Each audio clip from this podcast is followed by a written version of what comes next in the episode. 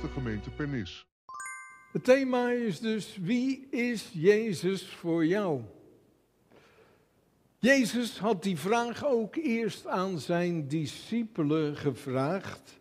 En dan vroeg hij eerst van, wie zeggen de mensen dat ik ben? En Jezus luistert naar de antwoorden. Maar dan komt die vlijmscherpe vraag van Jezus. En dan vraagt hij aan zijn discipelen en daarmee aan u, jou en mij, wie zeg jij dat ik ben? Jij, heel direct, geen ontkomen aan. Jezus heeft zo'n 2000 jaar geleden geleefd en daar zijn vriend en vijand het over eens. Alleen is de grote vraag, wie is hij nu voor jou? Als tiener had ik zelf niet zoveel op met Jezus. Wel met God, want daar was ik bang voor. Want het was hemel of hel. Gelukkig groeien jullie anders op. Ik hoop dat jullie met me mee kunnen denken. Want er komt de vraag van waarom kwam Jezus op deze wereld? Hij kwam om mensen, dus ook jou, te redden. Ja, te redden. Waarom moet ik nou gered worden? Nou, de enige zekerheid die wij hebben als wij geboren worden, is dat tenzij de Heer terugkomt, wij allemaal zullen sterven. Twee weken geleden hadden wij in onze gemeente een begrafenis van een mevrouw van 101. Maar zelf ben ik mijn allerbeste vriend in een schoolvakantie verloren door een agressieve vorm van kanker. En hij was 15 jaar. Van het concert van het leven krijgt niemand een programma. Dat is een ware tegeltjeswijsheid. Ik hoop dat je gelooft dat er leven na de dood is, want dat maakt echt alles anders. Want daar ontstaat of valt je geloof in de Heer Jezus met de dood en de opstanding van Hem. Als je gelooft, dan besef je dat het leven hier op aarde, zelfs al word je honderd, nou, dat dat eigenlijk weinig voorstelt. Hier heb ik een touwtje. Dat rode stukje, dat is je leven. Al word je honderd, maar je sterft een keer. En dan, dan komt die eeuwigheid. Eeuwigheid, eeuwigheid, eeuwigheid, eeuwigheid, eeuwigheid. Oneindig. Ik kom daar zo nog op terug. Of dat oneindig niet saai is. Jezus kwam dus voor jou heel persoonlijk om, ja, te laten zien hoe God is en hoeveel Hij van je houdt. En bij je mag je je eigen naam invullen. En hij gaf aan het kruis zijn leven voor jou en voor mij, maar hij bleef niet in dat graf. Hij is opgestaan en Jezus leeft en daarom is het geloof in de opstanding zo belangrijk zo beslissend. Paulus zegt het zelfs zo. Als Jezus niet is opgestaan, laten wij dan eten en drinken, want morgen sterven wij.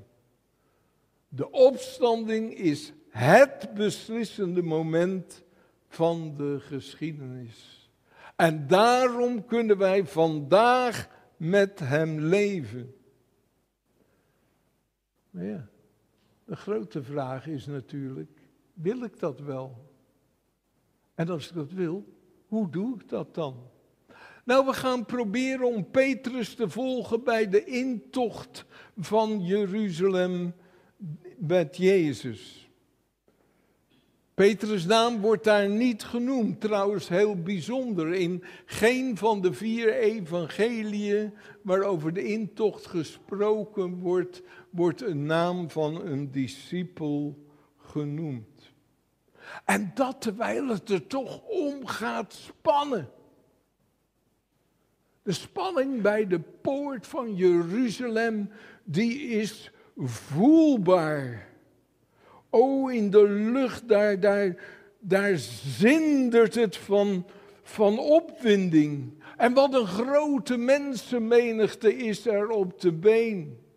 Ah, nu gaat het toch eindelijk gebeuren. Het koningschap van Jezus, de Messias, dat gaat beginnen. En daar staat Petrus trots te kijken. Oh, hij is de toekomstige minister van het kabinet van Jezus. Eerder had Jezus dus aan zijn discipelen gevraagd: En jullie, wie zeg jij dat ik ben? Heel persoonlijk. En uiteraard was het Petrus die als eerste antwoord geeft. En wat een antwoord. Hij zegt, u bent de Messias, de zoon van de levende God, antwoordde Simon Petrus. En daarop zei Jezus tegen hem, gelukkig ben je Simon Barjona, want dit is je niet door mensen van vlees en bloed geopenbaard, maar door mijn Vader in de hemel. En ik, dat is Jezus, zeg je, jij bent Petrus. En op die rots zal ik mijn kerk bouwen. En de poorten van het dodenrijk zullen haar niet overweldigen. En dat antwoord van Jezus, dat vind ik nou een van de vreemdste, maar ook meest hoopvolle teksten uit de Bijbel. Want als het met Petrus goed afloopt, dan zal het goed aflopen met iedereen. Want arme Petrus. In die komende week gaat hij zijn meester verloochenen en, en liefst drie keer. En dat had Jezus ook al voorzegd. Maar Petrus was opgestoven en had gezegd: Ik u verraden nooit. Petrus, notabene van wie Jezus al wist dat hij hem gaat verloochenen, wordt rots genoemd. En op die rots wordt de kerk gebouwd. Jezus kende Petrus en hij wist dus wat voor vlees hij in de kuip had. Maar dat is zo'n geweldige troost. Want dat weet hij ook van jou en mij. En toch geeft hij zijn leven voor Petrus, voor jou en voor mij. In het gelezen Bijbelgedeelte is Jezus heel populair. Ja, geen wonder. Hij had vlak daarvoor had hij zijn vriend Lazarus uit de dood opgewekt.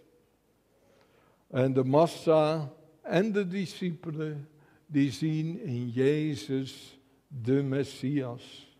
En dan komt hij, zoals de profeet Zacharia al voorspeld had, rijdend op een ezel Jeruzalem binnen.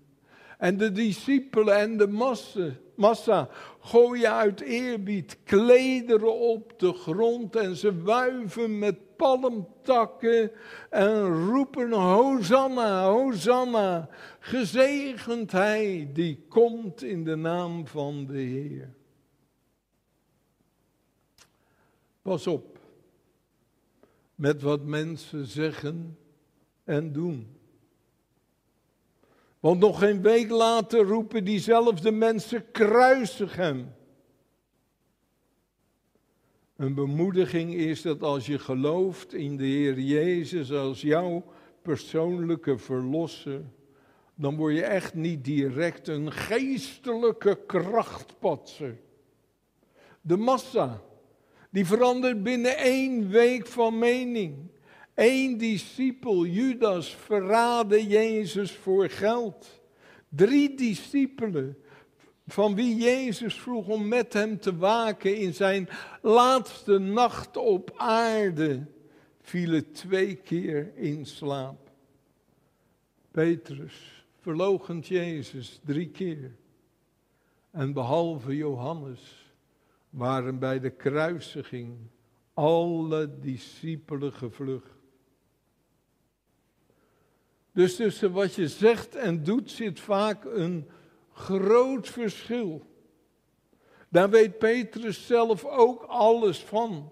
Hij zou hier uit volle borst meegezongen hebben: Mijn Jezus, ik hou van u en ik heb van u gehouden. Nooit zoveel als nu. Later begrijpt hij dat hij zal moeten zingen: Nooit zoveel als u.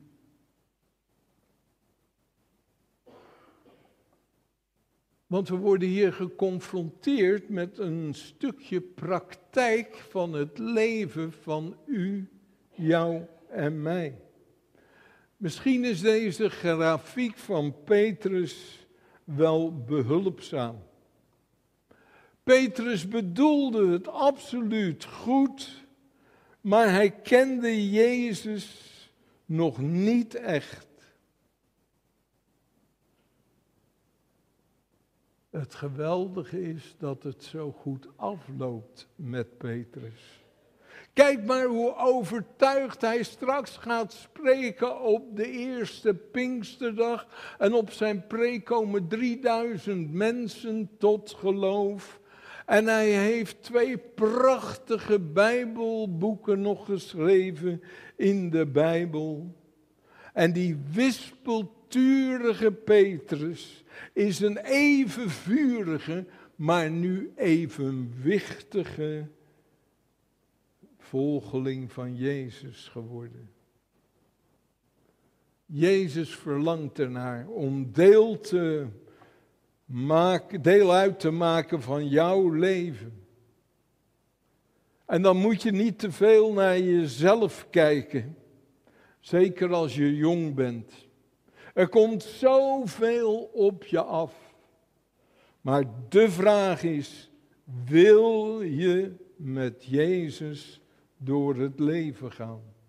Dat gaat met vallen en opstaan, ook voor mij. Ik stel hem teleur. En soms heb ik weer wat te snel gezegd of gedaan.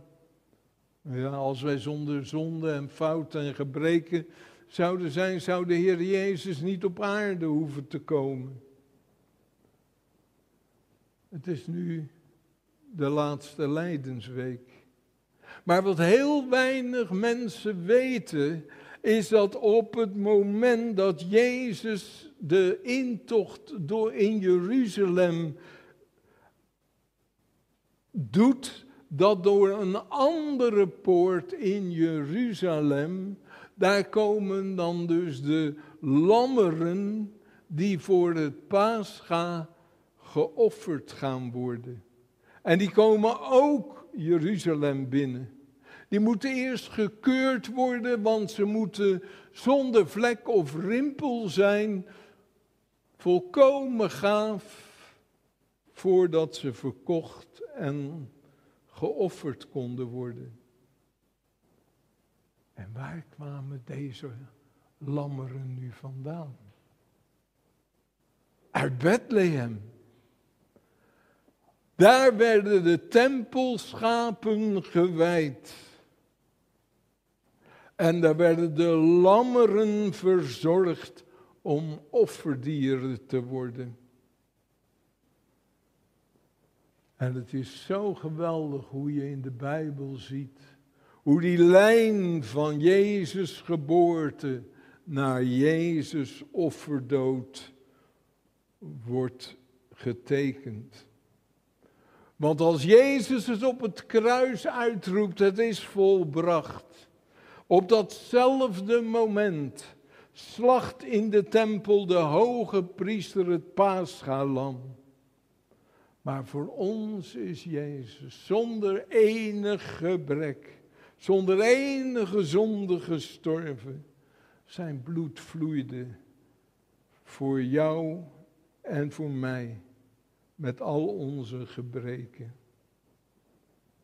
Straks zullen we dat in het avondmaal gedenken.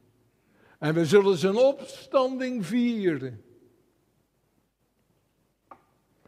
Wie is Jezus voor jou in 2023? Nou, tussen de tijd dat Jezus op aarde rondliep en nu, nou, daar uh, zit zo'n 2000 jaar tussen. En in de loop van de tijd hebben we die onstuimige gemeente uit handelingen zien veranderen tot de gemeenten zoals ze nu zijn. Ook over Jezus en de Bijbel. Oh, daar zijn in 2000 jaar allerlei dogma's, leerstellingen ontstaan. En die hebben eigenlijk alleen maar kerkscheuringen teweeggebracht. Want dan gaat het erom wie gelijk heeft, maar niemand heeft de waarheid in pacht. De waarheid is alleen in de Heer Jezus. En probeer daarom de Bijbel te lezen door een neutrale bril. Vergeet wat je weet van een tekst of een verhaal. Lees gewoon wat er staat en laat de geest je verrassen. Geloven is een heel andere dimensie dan denken over wiskunde of voetbal. Als je het over het eeuwige leven hebt, of over de wederkomst van Jezus, de nieuwe hemel en de nieuwe aarde, dan is dat een hele andere dimensie dan ons aardse denken. Hemel en aarde, probeer je dat zich eens voor te stellen, gaan in elkaar overvloeien. Ik had voor een jongerendienst elders een aantal stellingen gemaakt. En de meest gekozen stelling was door de jongeren: als er in de hemel of op de nieuwe hemel en de nieuwe aarde geen iPhones zijn of geen Netflix is, dan lijkt het mij saai. Nou, heel eerlijk. Nou, als de leiding het uh, goed vindt, dan wil ik hier de volgende keer best spreken over dat de nieuwe hemel en de nieuwe aarde absoluut niet saai is. Maar het is een hele andere dimensie. De vraag, wie is Jezus voor jou?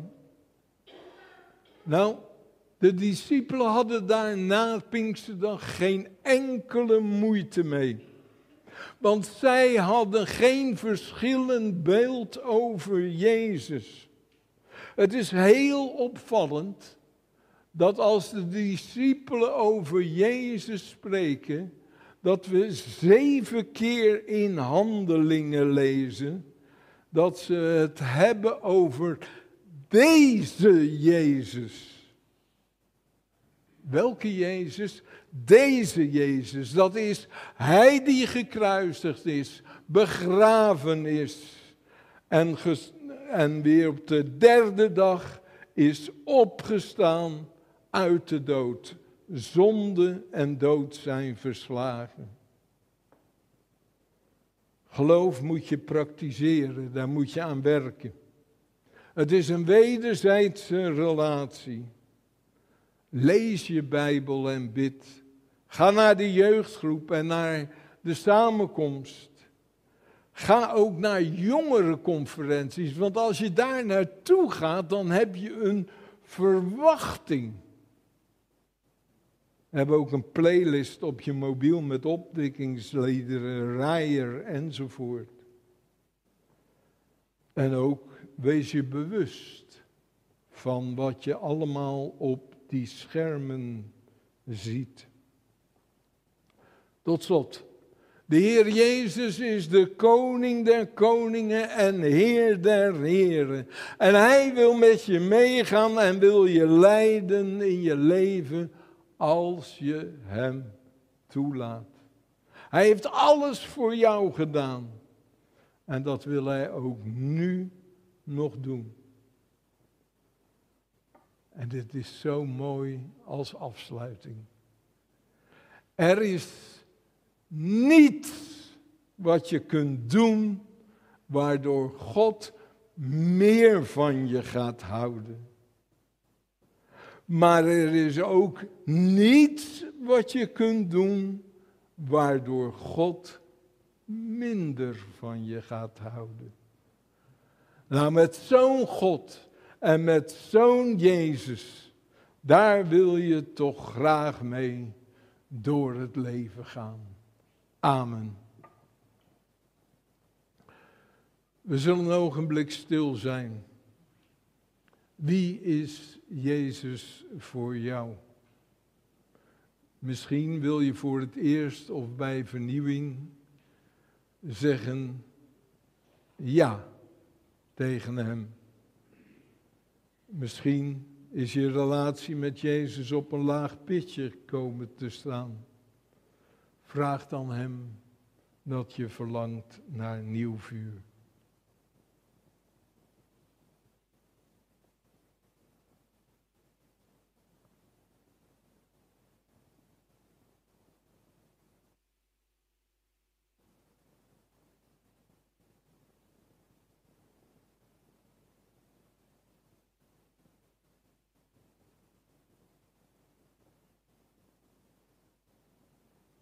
Amen.